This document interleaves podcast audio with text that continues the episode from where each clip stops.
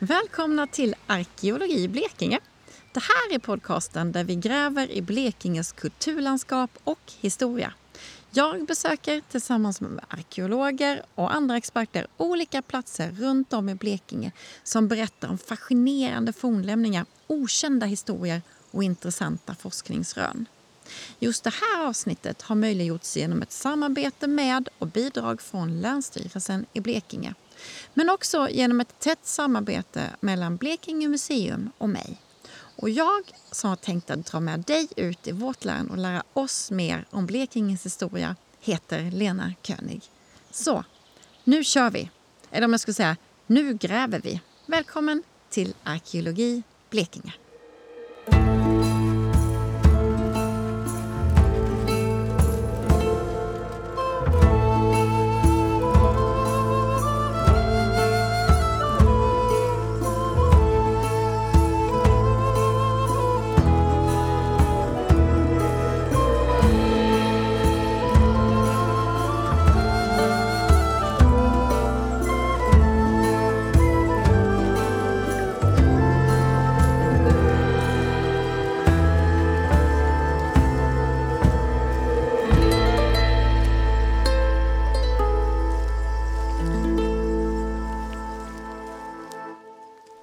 Det här avsnittet tar vi oss flera tusen år tillbaka i tiden men även till en garageuppfart i Siretorp utanför Sölvesborg. Och där mellan husen och parkerade suvar berättar arkeolog Carl Persson om platsen och de människor som en gång levde där. Men han berättar också om hur viktigt hela området har varit för stenåldersforskningen i Sverige. Nu är vi i Sandviken, eh, vad blir det, söder om Sölvesborg. Och på en plats som jag tycker väldigt mycket om och som jag är djupt intresserad av. Men vad ser du för någonting då? Sommarstugor, sommarstugor. Eh, det är mycket hus här kan man säga. Ja, det har blivit det med tiden. Eh, Men det som vi går upp för nu är en liten backe. Eh, Det är egentligen en stor sanddyn som havet har kastat upp. Och nu är vi på ungefär sju meter över havet kanske. Det är liksom ingen vanlig liten kulle detta utan det är en lång, kanske tre kilometer lång sanddyn som eh, har varit bebodd ända sedan den bildades för 4-5 tusen år, 4 tusen år före Kristus, 6 tusen Så år. det är inte bara nu folk har tyckt om att bo här, de har alltid gillat att vara här. Precis, det är en jätteväldrainerad plats och sandigt och nära havet. Och... Men det är ju såklart inte vem som helst som bor här. Det är ju inget ställe att bo på om man är intresserad av jordbruk eller något sånt. För att det är bara sand Ja, just det. och nästan inget sötvatten. Och, och nu börjar vi liksom nästan ana baksidan på dynen. Mm. Ja, här går det neråt sen ja. Och där var det vatten också. Så det här var som en stor Ah. sandrevel eh, i havet. Mm. Med vatten både framifrån och bakifrån. Och när du säger att då var det, var är vi någonstans nu på tidslinjen? De äldsta, de äldsta dateringarna härifrån är ungefär 4 500 före Kristus. Och sen så har havet varit här i närheten till 2 500 före Kristus.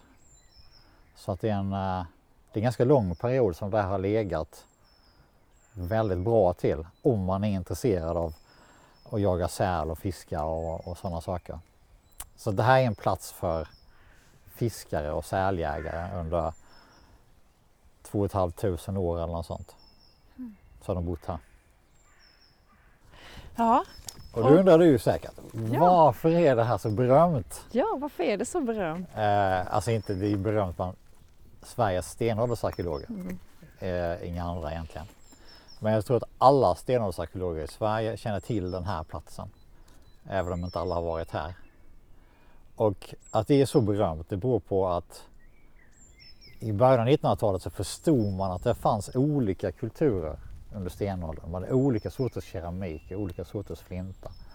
Men man kunde inte datera någonting. Så man hade ingen aning om hur gamla de var. Man visste inte vem som kom först och sist utan allt påträffades ihoprört. Men i den här sanddynan så påträffas de på sina ställen väldigt prydligt. Först det äldsta underst och sen så det som är i mitten och det som är yngst Ah, överst. Så att här kunde man för första gången säga att det där är äldst och det där är yngst. Och så kunde man använda det för att förstå hur havet hade rört sig upp och ner. Mm. Så att det var ett samarbete mellan kvartärgeologer och arkeologer. Och det resulterade i en tjock, vacker bok från 1939 av Knut Kjellmark och Bagge. För Som- de, de har varit här och, grävt arkeologerna, eller ni, De har, i varit- de har varit 100 år. exakt där du står. Nej, jag kan inte säga på meter men, eh, men eh, jag kan säga att de har grävt igenom, genom hela dynan här. Mm. Inte, alltså inte genom totalt men de har grävt gropar igenom den och långa profiler. För det är ganska mycket sand att flytta som du förstår och, och den rasar ner också. Så att vi står precis i den stora profilen i den stora boplatsen. Och här kan ju gemene man kan ju inte förstå det här. Vi står på en väg upp mot några villor här mitt. Nej precis. Men Men- bara precis under dina fötter kanske en meter ner så ligger det tusentals keramikskärvor från, eh, från det som vi kallar för gropkeramisk kultur. Det vet jag eftersom jag själv har grävt precis där du står. Mm. Ja, nu finns de inte kvar för jag grävde bort dem men en meter åt sidan så finns de kvar. Mm. Men då när det här var, hur, hur såg det ut här då? Kan du beskriva hur, hur, det, hur det var? För nu står det en massa tallar och det är fullsketat om man får säga med sommarstugor. Ja, alltså jag tror att det var väldigt lite vegetation för att man kan se hur sanden, hade det varit väldigt mycket vegetation så hade ju inte dynen byggts upp som den har gjort. Utan det var nog ganska mycket öppen sand. Eh, och liksom en, sån här, en, en miljö som inte riktigt finns idag för idag har vi ju strandråg och nypon och, och, och sånt som binder sanden. Men det här var nog liksom ett sandflyktsområde kan man säga liksom, där man när man kom tillbaka nästa år så såg det nog inte exakt likadant ut som när man lämnade. Nej. Och hur var, hur var klimatet och så? De som blev där? Inte så olikt egentligen. Kanske lite varmare men inte så mycket. Eh, För vi är ganska långt fram, eller långt fram, det beror på hur man ser det. Men om man säger för 9000 år sedan, 8000 år sedan, då var det väsentligt varmare än idag. Men det här är ju då kanske 5000 år gammalt eller 6000 och då det- den största skillnaden har nog varit att, att Östersjön var lite saltare än idag. Mm. Så det var, ännu, det var mer näringsrikt. Vi, det vä- är. vi vänder det om lite bara. Så, det blåser i micken. Ja. Så, nu blir det bättre. Ja, men nu när vi står här uppe på denna. Eh, hur högt, hur stor skillnad var det nu på, på eh, havsnivån? Det stod kanske vid vägen där nere. Det var så nära alltså? Ja. För kommer man ner liksom en bit ner så, så börjar, liksom, börjar man se att keramiken är svallad och omrörd. Och, ja, typ här ungefär. Här börjar det bli liksom förstört. Här har havet stått och huggt. Okej, nu har vi gått Så, så att man, halvvägs. man, man är inte jättehögt över. Nej. Som om det skulle komma en orkan eller något sånt så skulle man nog... Men det, hur såg det ut om vi tittade upp här och det var nu då på den tiden, hur såg det ut? Ja men det var nog eh, öppen sand mycket. Mm. Eh, kanske lite, lite vide och några små tallar, för, förkrympta tallar och så. Men det var nog som en miljö som, som hela tiden förändrades utav att dynen byggdes på hela tiden Eh, och flyttade sig bakåt. Så att det var som en dynamisk miljö kan man säga. Eh, jag, tror, eh, jag kan inte komma på något ställe som, som idag ser ut som det gjorde då. Det var nog en väldigt speciell plats tror jag. Mm. Men hur, hur har arkeologin, hur har den förändrats då? När de var här redan då för över hundra år sedan när de började arkeologerna. Hur, hur har synen på Sietorp, hur har det förändrats och liksom hur man jobbar och, och hur man ser på platsen? Alltså man, man kan ju säga att Sietorpsboplatsen är väl lite som ett monument inom arkeologin. Sådär. Det, den, den har liksom vördnats. Den har haft en stor betydelse. Men för att gräva någonting så måste man ju ha pengar. Och forskningspengar är svårt att få. Så att det har inte hänt någonting här fram till för tio år sedan. Med få undantag. Utan eh, den har bara funnits här. Och ett, pro ett problem, de gamla grävningar som utfördes, de är fantastiskt gjorda. Alltså, den här stora boken om Sietorpsboplatsen är liksom utomordentlig. Den, allting är rätt i den. Allting är korrekt. Mycket skickligt gjort. Men det fanns ju inga dateringar. Eh, så vad vi har försökt göra liksom med olika små insatser där man ska bygga, dra in avlopp eller lägga ner vattenledningar. Eh, ofta kanske vi bara gräver en, en halv meter bredd i, i schakt och så. Så, så försöker vi, målet är att om vi gör så tillräckligt många gånger så kommer vi kunna datera och förstå alla de här olika eh, faserna som identifierades redan för hundra år sedan. Och sen kommer ju nästa steg att försöka få förstå vad det faktiskt betyder för att det är en speciell plats detta. Det är ju ingen plats som, det är en exponerad sandrevel vid havet. Det är nog en speciell plats detta som har en speciell funktion. Uh, och det, här, det blir väl nästa steg att försöka, har vi tur kanske vi kan få mer pengar så småningom till mer, mer forskningsinriktade.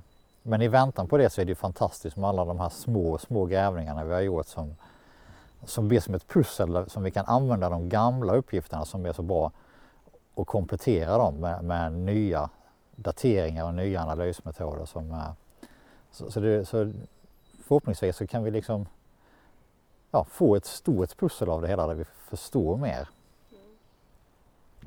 Ja, och detta är ju en plats, nu ska vi se, Sölvesborgsviken går här innanför.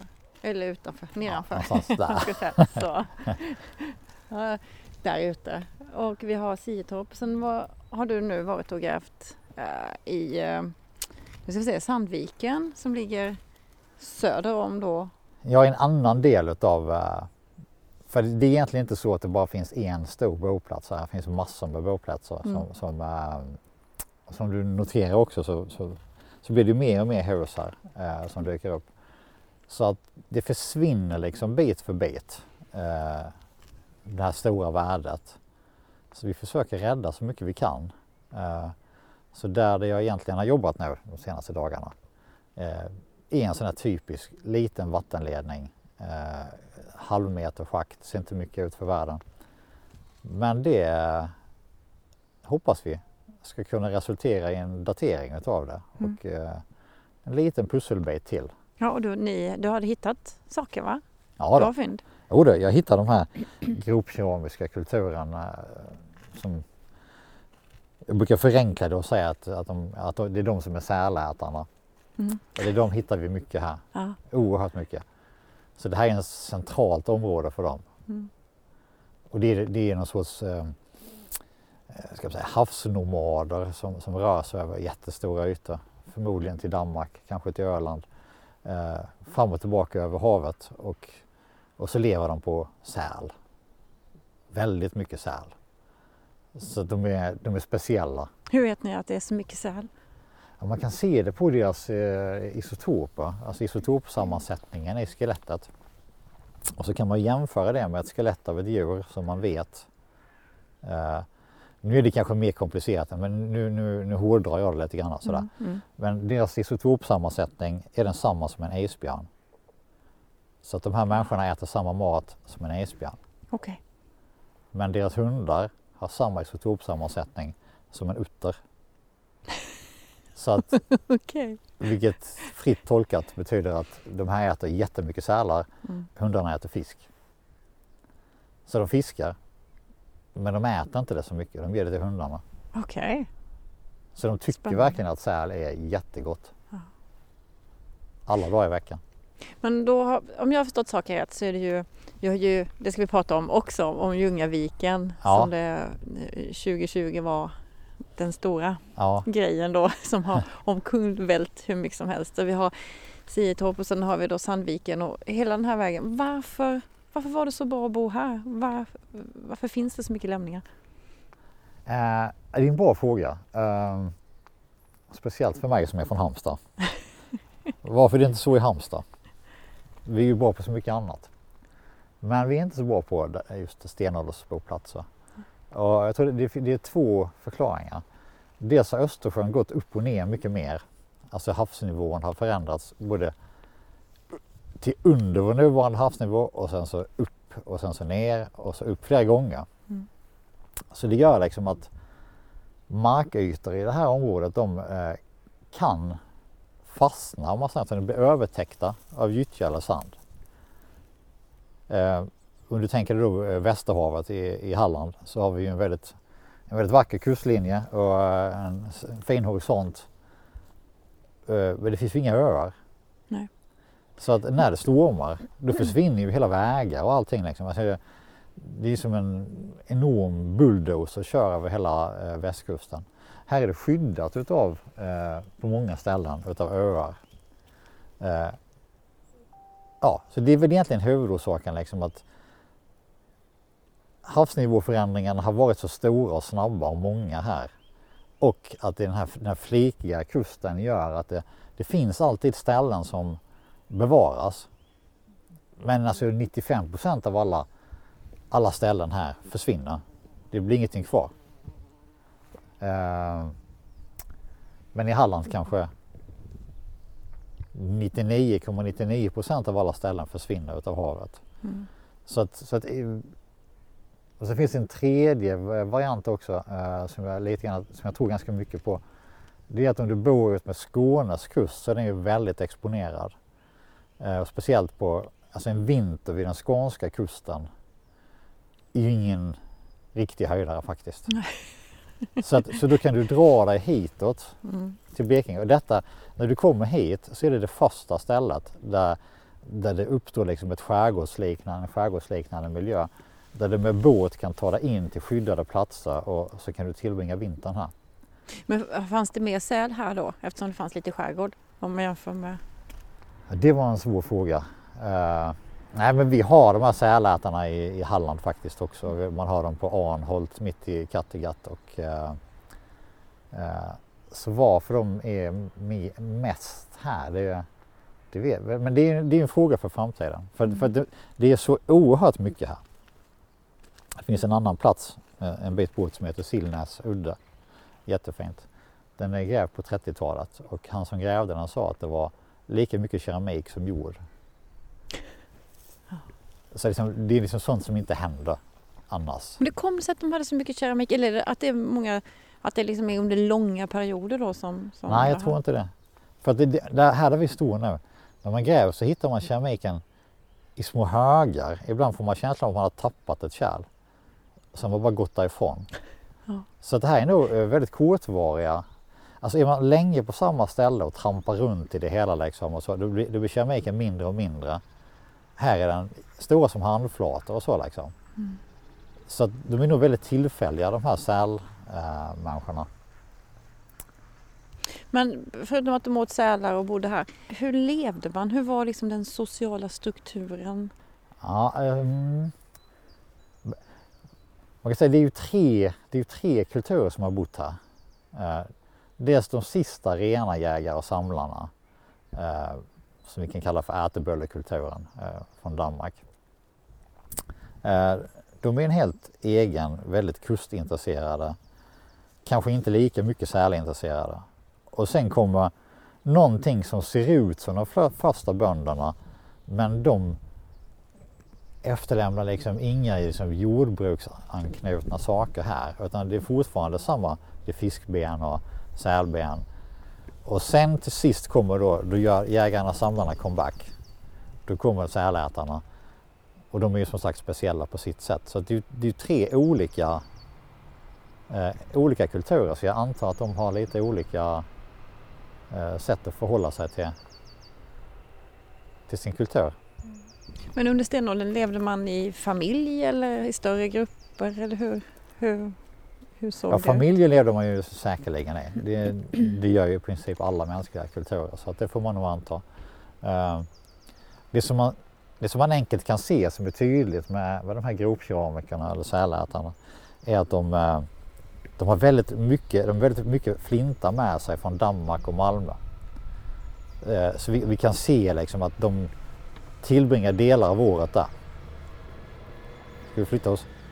Ja, alltså, ja. Slipper blåsten.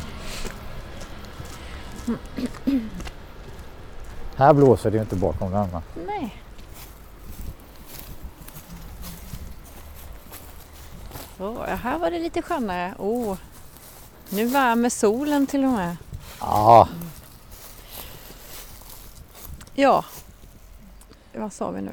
Jo vi sa att eh, de gropkeramiska kulturen har mycket flintar från Malmö, Mm. Danmark. Så jag skulle gissa på att de är väldigt mobila. Mm. Eh, Alltså de rör sig över stora, stora ytor. Eh, vi vet på västkusten så hit, hittar vi dem på Arnholt mitt i Kattegatt. Dit kommer man inte om man inte är, är väldigt marint skicklig. Liksom, det är inget- det är inget ställe, men Kattegatt är blåsigt. Mm. Och vi hittar dem i inlandet vid Bolmen. Där de bara slänger sin flinta omkring sig som om det inte fanns någon morgondag. Så, så de vet att snart är de tillbaka och får ny flinta. Ja. Och även här är de ganska slösaktiga faktiskt. Så att de, min, min tolkning är att de rör sig så mycket så att de behöver aldrig bekymra sig om tillgången på flinta. Eh, så jag menar minst härifrån och till Malmötrakten. Varje år minst en gång. Vet man, har man listat ut varför man flyttar sig så? Eh, man kanske följer sälarna kanske. Ehm, och sen kanske det är så att man eh, under perioder av året vill träffa varandra helt enkelt. Mm.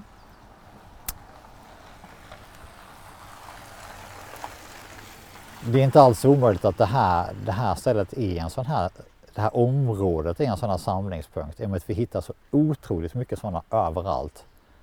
Eh, så det här kan ju faktiskt vara en sånt ställe som man kommer till från stora områden. Och det skulle man tänka på när du körde hit idag så åker du över åkermarken. Eh, ganska platt och, och så. Det var ju vatten då. Så detta är en ö. Hela det här området här ute var en ö. Det är en ö. Jag får känslan av att det skulle vara en tunga, men det är det inte. Utan det är en... Nej, vi är nog snarast, nej vi är en ö. Okej. Så att här är man skyddad från de andra människorna under stenåldern. Mm. de som var jordbrukare. De kommer inte hit. Så att ja, det är en väldigt möjlig tolkning att, att de, de här, det här är en samlingsplats för, för grovkeramiska människor. Som kommer från en stor yta. Eh, kanske från Öland, Malmötrakten, kanske från västkusten till och med.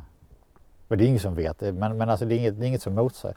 Det, det krävs någon form av exceptionell förklaring för att förklara varför det är så enormt mycket saker här. Mm. Det är så mycket så, så att det är liksom inte bara Ja, det är ingen slump att det är så här utan det har, det har någon sorts förklaring. Förutom en massa keramik och flinta, finns det något annat man har hittat? Som... Inte mycket här för att marken är så sur så det försvinner. Men på Öland och Gotland så, så hittar man gravar och, andra redskap och, och sånt. Så att eh, nej tyvärr, det hade varit väldigt roligt om vi hade Sen så där är ju sand också så där släpper igenom regn, surt regn och så så att det blir bara keramiken och, och flintan kvar tyvärr. Men om vi säger att vi hade bara flyttat oss några hundra meter längre bort, ser det likadant ut där då? Eller förstår du vad jag menar? Finns det liksom över hela höjdryggen Du här? ser på furorna som står där borta på Mm. andra sidan. Eh, Det, det området kallas för furet faktiskt. Där det Mm. växer fullt av fura. Ja. Eh, Det är planterat såklart. Ja. Eh, För när de, när de först upptäckte den här platsen, det var där borta i furet. Okej. Och då var erosionen, alltså sandflykten så stor här. Mm. Så att det som nu, det är väldigt svårt att föreställa sig. Men då blåste helt enkelt hela överlaget bort. Och fram kom alla flintarna och härdarna, eldstäderna. Det hittade man där liksom. Det bara låg på marken. Eh, framblåst. Sen planterade de furorna. Det är andra generationen furor nu så att eh, det är ganska länge sedan. Eh, för att binda sanden. Så att det är där de hittade eh, för första gången. Och sen så på andra sidan de furorna så har jag faktiskt också grävt en liten vattenledning där var också massor med saker. Och nu gräver jag, vad kan det vara, två kilometer ditåt. Och där är också grejer. Så att det tar inte slut. Nej. Det är överallt där faktiskt. Nästan. Det är spännande. Ja, det är väldigt spännande. Och väldigt roligt. Men vad hoppas man på? Eller rätt sagt innan vi börjar med det kanske vi ska prata om eh, det här Ljungaviken. Det känner väl de flesta till. Ja, Spontant, vad säger du om det? ja, ja jag vet. Ska vi inte åka till Ljungaviken? Ja, men det gör vi det. Det, det är inte långt. Nej, ska vi göra det direkt? Ja, men det tycker jag. Ja. Det är mycket lättare att prata om Ja, där. liksom. gud ja. Så kan vi ju faktiskt skita i de där små minischakten som jag har dragit där Ja, borta. vi det, det, i dem. det är inte så roligt. det är roligt i sitt sammanhang liksom.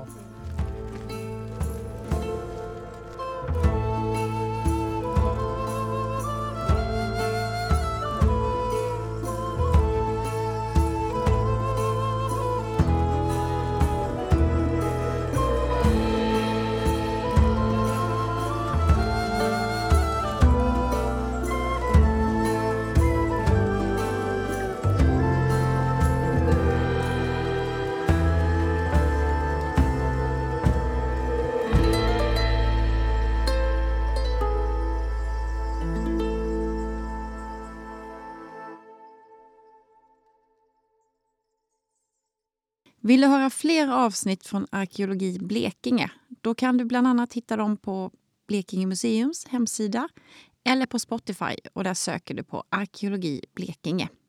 Tack för att du har lyssnat.